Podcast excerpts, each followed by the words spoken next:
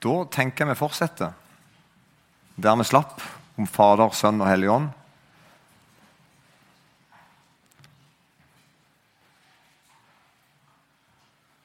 Vær her med din ånd, Gud. Amen.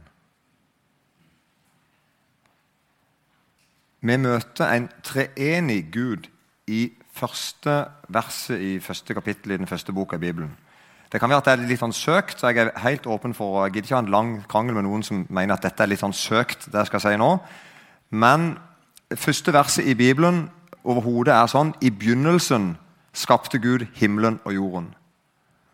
Så kommer vers 2. Og jorden var øde og tom, og det var mørke over det store dyp, og Guds ånd svevet over vannene. I Det nye testamentet så blir Jesus kalt for alfa og omega, dvs. Si begynnelsen og enden.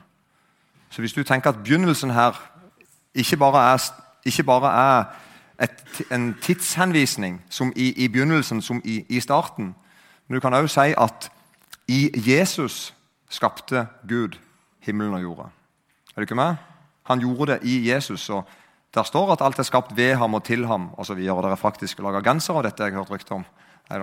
Uh, men um, Sånn at Det kan være litt sånn søkt å si holde den med som teologisk. er det det som er meninga med, med, det ordet. I begynnelsen skapte Gud himmelen og jorda. Men i alle fall så ser vi at Gud er der ved, sin, ved Sønnen, begynnelsen og enden, og ved sin ånd. Og Så kommer det i vers 26.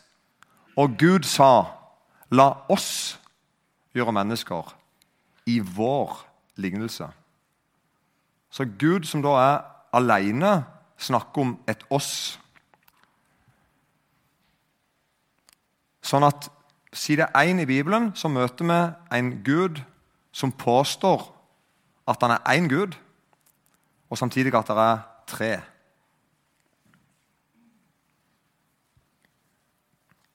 Det er jo, det er den, mest, det er den mest fantastiske begynnelsen på et bok, eller i det hele tatt begynnelsen på hva som helst. Eh, første Mosebok, kapittel 1, syns jeg. da. Det er så majestetisk at Gud bare trø inn i vår historie og tar plass. Sånn var det. Jesus I Johannes eh, evangeliet så kommer Jesus med sju stykk 'jeg er'-uttalelser. Og Vi hadde jo i forrige time om at Moses møtte Gud i tornebusken. Han spør hvem, skal, hvem er du hvem skal, hva skal jeg kalle deg? Og Da sier Gud du skal si 'jeg er, har sendt deg'. Og Når Jesus da lenge etterpå Moses går på jord, så omtaler Jesus seg sjøl som 'jeg er'. Og I Johannes møter vi det sju ganger, der Jesus sier 'Jeg er livets brød', 'Jeg er verdens lys', 'Jeg er døren', 'Jeg er den gode hyrde', 'Jeg er oppstandelsen og livet', 'Jeg er veien, sannheten og livet', 'Jeg er det sanne vintre'. Det vi skal merke oss her er at Jesus sier ikke 'jeg ligner på' eller 'jeg kan vise deg til', men Jesus sier 'jeg er døren'. Jeg er døra. Jeg er sannheten. Jeg ikke bare forteller deg sannheten, men jeg er sannheten Og, så videre. Og Allerede på de to første stavelsene 'jeg er', så hadde altså alle religiøse ledere forstått at den mannen som snakker nå, påstår at han er Gud. Og så I tillegg påstår han noe mer, nemlig altså at han er døra og veien og sannheten og oppstandelsen. Og ikke sant? Så Jesus påstår at han er Gud, og vi møter det Johannes evangeliet er helt spesiell. Johannes evangeliet skiller seg ut og viser at Jesus er Gud, mer enn noen annen plass. Og så I Johannes kapittel 14 og kapittel 16 og i 1. Johannes brev kapittel 1 og 2 der skal vi stoppe litt med nå. For Det er snakk om to talsmenn. Dette handler om, om hvem Gud er. Hvis vi da slår opp i um, Johannes 14 og leser noen vers der fra vers 15, Johannes 14, 15, så sier Jesus sånn og Nå er det altså vært påske. Eller det er påske. Han skal, feire, han skal feire påske med sine disipler for siste gang. Han vasker beina deres. Han er nattverd med dem. Han forteller at den som dypper brødet i samme skala som meg, er den som skal forråde meg. Og han sier til meg til, Judas gå ut og gjør det du skal gjøre. Og Judas går ut. Så Judas er ikke med på det vi leser her nå. Så begynner Jesus å trøste disiplene sine utenom Judas da, i Skarajot. Det er en annen Judas der, men ikke i Skariot. Og Så begynner Jesus å trøste dem og si at det, det som nå skjer, Det må skje. Det er bra at det skjer. Det, det er profetert sånn. Det, det, er sånn det skal være. dette er bra. Så Han trøster dem og sier da, dersom dere elsker meg, da holder dere ikke fast på mine bud. Og jeg vil be Faderen, og han skal gi dere en annen talsmann. For at han skal være hos dere for evig. Sannhetens ånd. Som verden ikke kan få, for den ser ham ikke og kjenner ham ikke. Dere kjenner ham, for han blir hos dere og skal være i dere. Jeg skal ikke etterlate dere farløse. Jeg kommer til dere. Her er det som at Jesus sier at Faderen skal sende en annen. Og så slutter verset her med 'Jeg kommer til dere'. Så Det skal komme en annen og samtidig sier Jesus at det er, det er meg, det òg. Er du med? Så Jesus tilkaller en talsmann som er sannhetens ånd. Du som hører Jesus til, du som tror på Jesus, enten du har gjort det i to minutter eller i to år eller lenge, kan mye eller kan lite, enten du føler deg sånn eller føler deg sånn Gud sender, Faderen sender sin hellige ånd inn i livet ditt. Han er hos deg. Han bor i deg. Og han skal være der for evig. Så når Jesus på en måte sier at nå reiser jeg fysisk nå reiser jeg opp til himmelen øyeblikk Jeg skal lide og dø, og jeg skal være død, jeg skal stå opp igjen, og så skal jeg reise opp til far. Sånn skal det være, sier Jesus. Det skal være sånn. Men jeg sender, jeg sender Ånden. Og han skal bo i deg for evig. Tror du ikke det? det bare gjør det. Men forstår vi det? Nei, det er en annen ting. Men tenk det, sånn er det. Det er den andre talsmannen. Han snakker videre. Jesus svarte og sa til ham nå snakker han med en som heter Judas da, om noen elsker meg, da holder han fast mitt ord. Og min far skal elske ham, og vi skal komme til ham og ta bolig hos ham. Vi. Så Gud bor i deg. Faderen bor i deg. Sønnen bor i deg. Den hellige ånd bor i deg. Gud bor i deg. Kan du tenke deg? Og Det er ikke bare at han bor der. Han har tempelet sitt der. Han er aktiv der. Og det er ikke bare det at Han er aktiv der, han valgte å bo hos deg. Han kunne velge hva han ville. Han valgte å bo i ditt hjerte. Med hele seg. Den som ikke elsker meg, holder ikke fast på mine ord. Nei, det kan jeg tro. Det ordet som dere hører, er ikke mitt, men Faderens, Han som har sendt meg. Og Dette har jeg talt til dere mens jeg ennå er hos dere. Men talsmannen, Den hellige ånd, som Faderen skal sende i mitt navn, han skal lære dere alle ting og minne dere om alt det som jeg har sagt dere. Fred etterlater jeg dere. Min fred gir jeg dere. Ikke som verden gir, gir jeg dere. La ikke deres hjerte forferdes, og frykt ikke. Du, ser at dette henger i håp, Fader, Sønn og Hellig Ånd. Samtidig er Den hellige ånd Han skal komme. Han er den andre talsmann.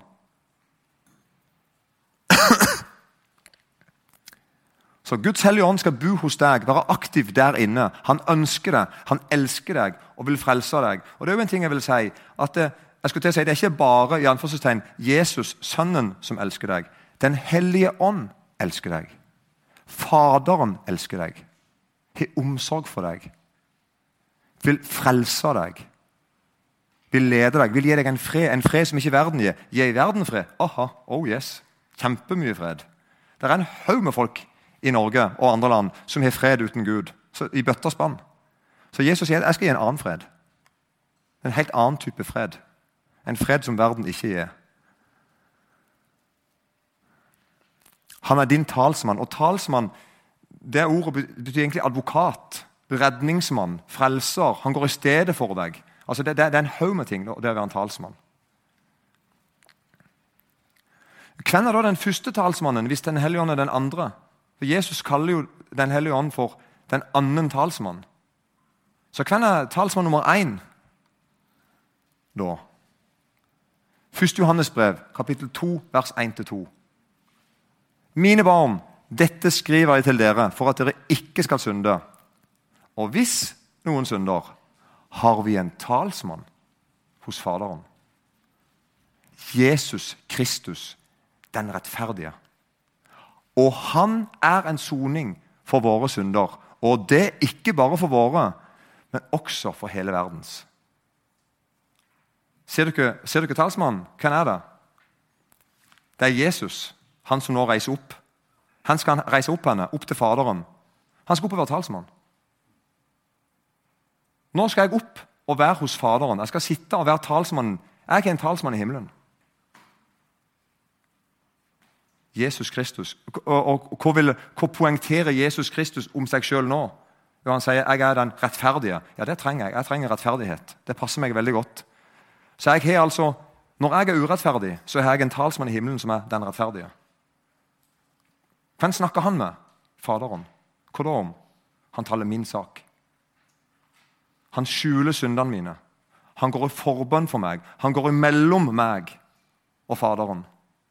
Han går god for meg. Han kjemper for meg. Ikke med? Han lever for meg. Han ber for meg. Hjemme hos himmelen. Der er den rettferdige. Og Den hellige ånd, hva det han ble kalt? Han ble kalt sannhetens ånd. Jeg har en sannhet i meg. Og Hvem er det Den hellige ånd snakker til? Han snakker til meg og min samvittighet.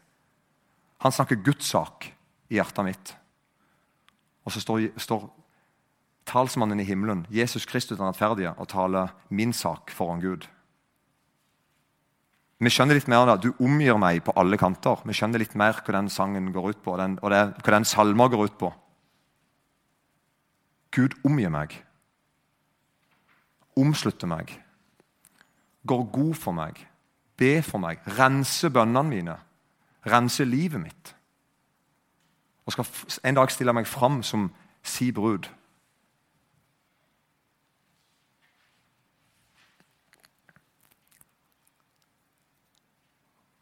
Så altså Gud sender en tilkalt talsmann, den, den, første. Han er stedfortrederen din. Han går i stedet for deg, gjør alt det som ikke du gjorde. Og ordner opp alt det som du gjorde galt. Han er stedfortrederen din. Nå er han i himmelen. Sitter med Faderens høyre hånd. Skal komme igjen derfra for å dømme levende og døde. Men nå sitter han hos Faderen. Og Så sender Gud en annen talsmann til å bo i hjertet ditt for at du skal kjenne sannheten. Dette er svære ting. Jeg klarer ikke å begripe det. Jeg klarer ikke å forstå det. Jeg, jeg, jeg har prøvd, tro meg. Kanskje du òg har prøvd det. Hvordan seriøst bor Gud i meg? Faderen og Sønnen og Den hellige ånd. Han gjør det. Videre er det et poeng for meg å si at Jesus det er bare, bare et ord da, Jesus snakker lett om seg sjøl, Faderen og Ånden. Men det så mener jeg at Det er ikke sånn at Jesus på en måte snakker ganske sånn logisk og forståelig, og så plutselig av og til i, Bibelen så tar han noen til side og sier nå skal jeg si noe superspesielt, fantastisk, ultra annerledes. skjønner du? Nei, Jesus snakker men, på en måte med en selvfølgelighet om treenigheten hele tida. Han kan si 'jeg', og han kan si 'vi'. Er du ikke med? Han snakker lett om det. Fader, Sønn og Hellig Ånd.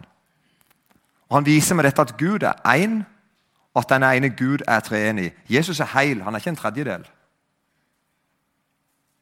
Det er sånn fantastisk språk. Fantastisk språk. Som sikkert er vanskelig å oversette til språk. Altså på en måte, For det er så, det er så rart. Gud er annerledes. I Johannes 14 her er det Philip som reagerer. Her sier Jesus sånn at hadde dere kjent meg Nå er jeg i Johannes 14, vers 7. Hadde dere kjent meg, så hadde dere også kjent min far. Og fra nå av kjenner dere ham og har sett ham. Philip sier til ham, det er en av disiplene, 'Herre, vis oss Faderen. Det er nok for oss.' Jesus sier til ham, 'Så lang en tid har jeg vært hos dere, og du kjenner meg ikke, Philip.' Hva er det Jesus mener? Den som har sett meg, har sett Faderen. Er du ikke med på den setningen? Jesus sier her 'Jeg er Gud'. Det å se meg er å se Faderen. Det er ikke sånn at jeg ligner på han, eller jeg nær slekt han, eller nærmere han enn deg. Nei, når du ser meg, så ser du Gud. Hvordan kan du da si 'vis oss Faderen'? Tror du ikke at jeg er i Faderen og Faderen i meg? Og Johannes evangeliet begynner med på en måte Juleevangeliet til Johannes er jo aldeles annerledes enn vi leser det i Lukas. ikke vel? Da leser vi en fortelling som er en bra fortelling. altså. Så det er ikke noe, Jeg disser ikke Lukas, glem det. Men han forteller mer sånn sånn, det skjedde i de dagene. og det, det, var situasjonen, det var tida, og så var det to på vei der, og så var det ikke rom til de i herberget. og sant? De forteller en sånn fortelling som jeg forstår. Johannes, som selvfølgelig tror på samme fortellingen, han, han forteller jo på en måte sett med et helt annet lys og forteller samme fortellingen, men i et helt annet perspektiv. Og Han sier sånn I begynnelsen var Ordet med stor O. Og Ordet var hos Gud, og Ordet var Gud. Han var i begynnelsen hos Gud. Alt er blitt til ved ham, og uten ham er ikke noe blitt til av alt som er blitt til. Det er Jesus. Så Jesus var hos Gud i begynnelsen, og så, og så han, kom han ned til oss han var, han var hos Gud, og han var Gud.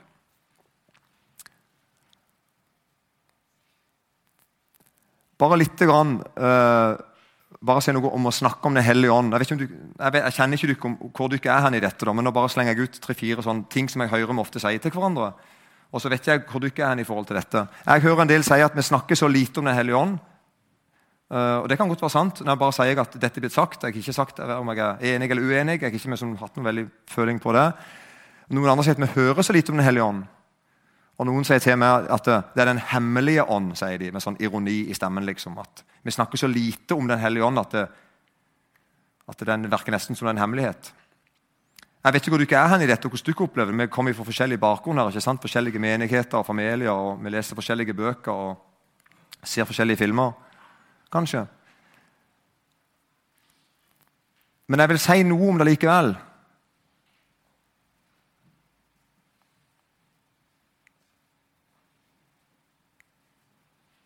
Jeg skal bare se her Ja. Jesus sier i Johannes 16, var jeg i vers 8, midt inni noe der Johannes 16, vers 8 så sier Jesus sånn at og når han kommer og dette er altså Den hellige ånd, sannhetens ånd, når han kommer, skal han overbevise verden om synd og om rettferdighet og om dom. Tre ting. Det husker vi.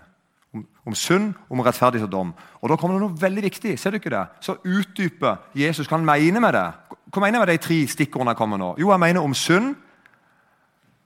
Fordi de ikke tror på meg. Hva betyr det? Det betyr at det er ingen synde som stenger deg ute fra himmelen. Er du med på den? Det er egentlig ingen synde som stenger deg ute fra himmelen. Det som stenger et menneske ute fra himmelen, til og sist, er at ikke du eier Jesus. Du trodde ikke på Jesus. Ingen skal få høre at du trodde nok på Jesus, men du hadde vel mye synde. på en måte. Eller du gjorde den tingen der, og akkurat den tingen der tror jeg kanskje var litt drøy. Det, nei, Jesus sier det at uh, synd er sjuende og sist å ikke tro på Jesus. Og det er det å synde mot Den hellige ånd, som Bibelen bruker uttrykket på, det er det. Det er at Den hellige ånd ikke får lov til å overbevise meg om synd, så jeg trenger ikke en frelser. Jeg, jeg står imot Den hellige ånd. Den hellige ånd vil overbevise meg, og jeg sier nei. på en eller annen måte. Så på en måte, Det er ikke tilgivelse for ikke å få tilgivelse.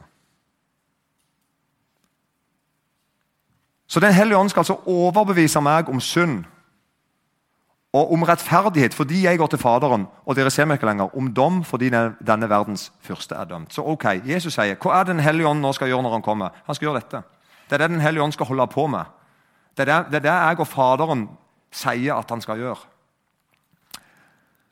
Og Så hopper vi litt i Johannes 16, øh, ned til vers 13. For, altså den hellige ånd, for han skal ikke tale av seg selv men det han hører, skal han tale, og de kommende ting skal han forkynne dere. Han skal herliggjøre meg, sier altså Sønnen om Ånden. Han skal herliggjøre meg, for han skal ta av mitt og forkynne det for dere. Alt det som Faderen har, er mitt. Derfor sa jeg at han tar av mitt og forkynner for dere. Så Hvordan ser mitt liv ut?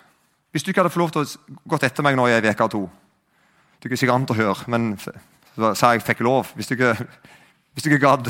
Please. Og så gikk du etter meg ei uke eller to, og så, og så skulle du egentlig se på Hvor mye gjør Den hellige ånd i livet til Aspen Handeland? Det var det du skulle finne ut av. Hva hadde du ikke sjekka? Hva hadde du ikke sett etter? Hva hadde du ikke målt det med? Hvor mye ånd er det i livet til Aspen? Liksom? Hvor mye får ånden lov til å gjøre i hans liv? Hva hadde du ikke målt dette? For dette er kjempeviktig. Eller hvis det er en forsamling, en menighet, en gruppe med folk som tror på Jesus og dyrker Gud. Hvis vi skal på en måte komme inn som på utsida og se på hvordan vil jeg måle at det, i den grad det er interessant da, men hvordan skal vi måle på en måte styrkeforholdet eller det åndeligheten deres? Er ikke med på spørsmålet? Jo, det må jo være at de gjør Vi må jo kunne se de fruktene som Jesus sier at Den hellige ånd skal gjøre. Er du ikke med? Er jeg tungvint nå? Er, henger du ikke med? Ja. Sånn at jeg, hvis, jeg kom, hvis, hvis, du ser mitt liv, da, så ville du ikke altså sett et liv der der Den hellige ånd fikk lov til gjennom ordet og i min samvittighet, i mitt tankeliv, fikk lov til å øve, overbevise meg om synd. Du kunne altså sett en mann som hvis jeg gjorde noe gale, når jeg gjorde noe gale, så innrømte jeg det, og jeg gikk til han som kan tilgi synd. Det hadde du ikke sett. Og dere hadde jo da sett at det, som Jesus sa, han skal herliggjøre meg. Dere hadde altså sett at Aspen Handeland han er en herlig Kristus. Han, han, er glad i Kristus, han snakker om Kristus, han synger om Kristus, han ber til Kristus, han forkynner Kristus. Det er sånn som Kristus er livet hans sitt. Og det har Den hellige ånd gjort. Er du ikke enig?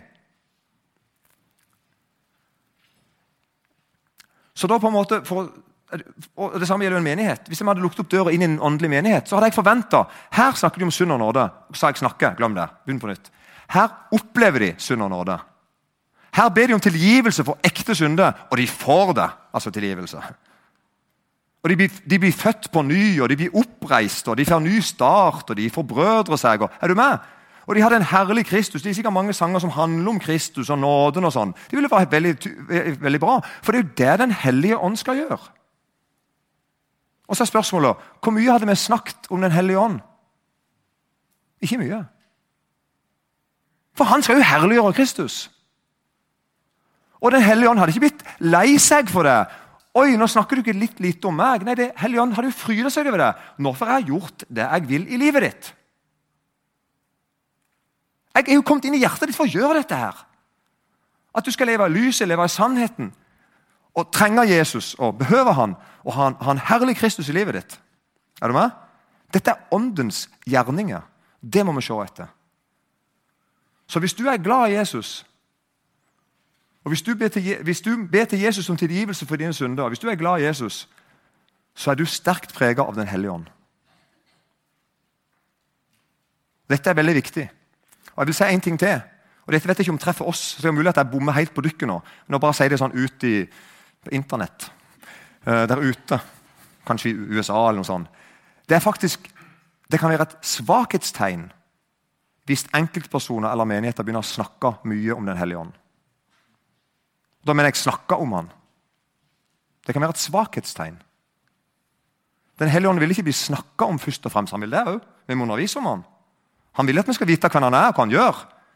Ikke sant? Så ikke, så ikke vi er analfabeter i møte med Den hellige ånd. Men utover det så ønsker Den hellige ånd å få gjort jobben sin. Og det er at Du må i kne og rope til Gud om nåde. Og du må i kne og rope om nåde for naboen din. Der Den hellige ånd er, der er det misjonsvirksomhet. Der er folk som er urolige for folk som de kjenner som ikke er kristne. Og de er kanskje enda mer urolige for folk de ikke kjenner. som ikke er kristne. Akkurat nå er det to milliarder mennesker som ikke har hørt evangeliet. Og du kjenner på at dette er mitt problem, sammen med Den hellige ånd. Dette er åndelig kjennetegn. Og så er det noe som heter åndens gave og noe som heter åndens frukter. Det er ikke jeg snakker om nå. Så hvis vi som sier at altså det er sånn, det, er, sånn, det er ikke spennende med Den hellige ånd, liksom. Jo, det er det vel. Kjempespennende.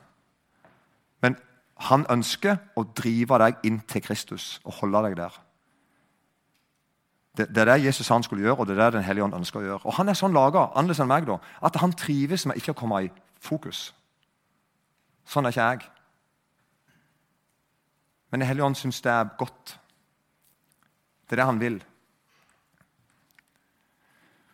Og da må jeg jo si at Hvis noen mener at det går da an på en måte å ha Den hellige ånd i hjertet sitt og ikke merke det på en måte, Jeg har ingen følelser. Ah, den må du lenger på landet med. Det tror jeg ikke på. Du merker at Den hellige ånd er i livet ditt. ikke sant? Ikke, da mener jeg hele tida på akkurat samme måten som han på sida av deg, og sånn, men du merker det. Så hvis du sier meg som at jeg aldri merker noe til dette her, nei, da har du et problem.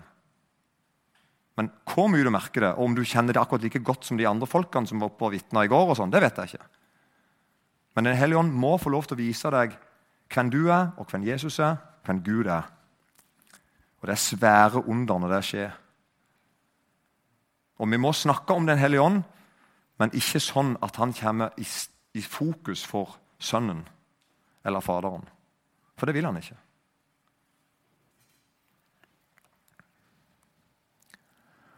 Og så bare helt til slutt, hei kort eh, Hvis du leser Johannes' åpenbaring, de, de to-tre første kapitlene, der er det jo sju brever som Johannes, eh, Det er samme Johannes som har skrevet evangeliene og brevene.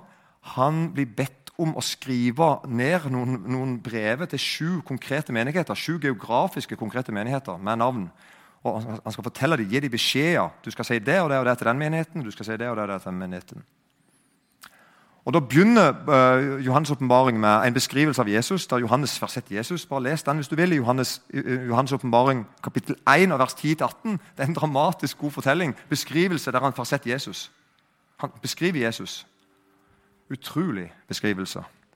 Og så heter det i vers 1 altså at Jesu Kristi åpenbaring, som Gud ga ham for at han skulle vise sine tjenere det som må skje i hast. Så Det er Jesus sin åpenbaring. Det er Jesus som er den aktive, som snakker med Johannes, som viser seg for Johannes. Og så ser man likevel når du leser disse sju brevene, at Faderen og Sønnen er uatskillelige, men samtidig to og én. Og Johannes han ser alt dette bortrykka i ånden. Du ser altså at Hele treenigheten er der hos Johannes. Kan ikke skille det. liksom, at det, nei, der, var bare, der var bare Sønnen eller der var bare Ånden. eller, Nei, Gud er hos Johannes i åpenbaringen. Og så Alle sju brevene, som er veldig forskjellige og kjempealvorlige, alle slutter, eller helt på slutten av, omtrent avslutningsvis, så blir det sagt den som har øre, han hører hva Ånden sier til menighetene. Så det er tydelig at når Jesus snakker, så er det Ånden som snakker vel så mye.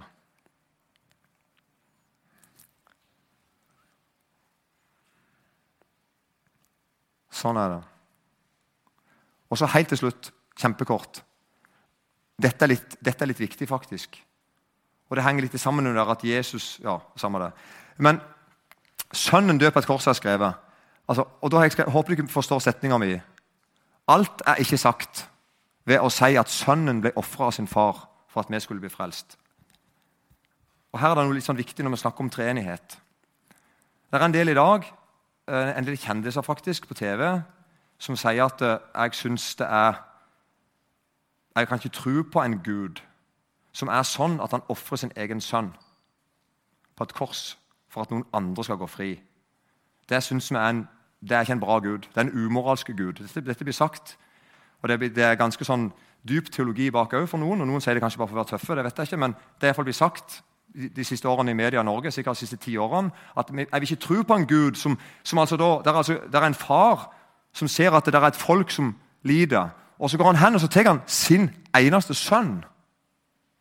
Og så ofrer han sin eneste sønn, som forresten var uskyldig, for at alle de andre skulle bli frelst. Hva slags Gud gjør sånn, er vi som toner. Er du med? Og så tenker vi at oi, det var jo faktisk et lite sånn dilemma. Hva skal vi si til det? Og Nå skal jeg si hva du skal si til det. Alt er ikke sagt med å si at sønnen ble ofra. At sønnen ble ofra av sin far. Alt er ikke sagt. Det er sant. Han gjorde det, altså, men alt er ikke sagt. Det er en veldig kjent fortelling. Nå skal ikke jeg disse den fortellingen, for det er en utrolig fin fortelling. Men da har ikke alt sagt med den heller. da. Du har sikkert hørt den om han der mannen som jobba på sånn ei bu. Uh, han var sånn vakt eller noe sånt på ei sånn bru som gikk opp og ned. Og Jeg tror det var tog som kjørte over brua. Og når det kom båter og skulle under brua, så måtte han heise opp brua for at båtene kunne passere. Er ikke med på den? Og så måtte han passe på å ta ned igjen brua når toget kom, og ta opp brua når båtene kom. Og så hadde han med sønnen sin på jobb en dag, en liten tass, og han lå nede og lekte da nede med brua. Og Plutselig så han her vaktmannen at nå må jeg klappe ned brua, for nå kommer toget. Og, men hvis jeg gjør det, så klemmer jeg i hjel min egen sønn. Men hvis jeg ikke gjør det, så kjører toget i døden med alle folkene om bord. Så dilemmaet til han vakten da var skal jeg ofre min egen sønn for å redde alle de andre. Eller skal jeg ofre alle de andre for å redde min sønn? Er du med? Og så er fortellingen da han valgte å ofre sin egen sønn. Og heiste ned brua, og toget passerte, og alle overlevde. Enten de trodde på det eller ikke, enten de var glad for det eller ikke. Og så er det på en måte en fortelling om Guds kjærlighet. Er du ikke med på den? Og det er en veldig sånn det er veldig, nå Jeg fortalte ikke veldig fint en gang, og du kan sikkert fortelle den enda bedre. og så blir det sånn kjempebra fortelling, og det er sant. Men alt er ikke sagt. Det er noe som ikke er sagt med den fortellingen. Og det er det at Gud ofrer seg sjøl. Er Faderen og Sønnen og Den hellige hånd er én. Så det Gud gjorde i livet ditt, var han ofra seg for deg. Gud døde på korset. Det er en rar setning å si. Men Gud ga seg for deg. Han ved og at Faderen ofra sin sønn. Så For å være i bildet med den brua, så kunne kanskje faren ha sprunget ned og lagt seg under brua. på en eller annen måte. noe sånt, jeg skjønner ikke, men Det blir jo en, en rar fortelling igjen. Men, men dere er med på den. Det dette tror jeg er litt viktig. Gud er én. Gud er én. Det er Gud som elsker meg. Det er Gud som bor i hjertet mitt. Det er Gud som døde for meg. Han er én. Og så er han tre, da. Og så er han én. Takk, Jesus. Og takk, Far, og takk, Hellige Ånd. Takk at du er majestet, frelser, sannhet, oppstandelse, liv, fred. Alt. Amen.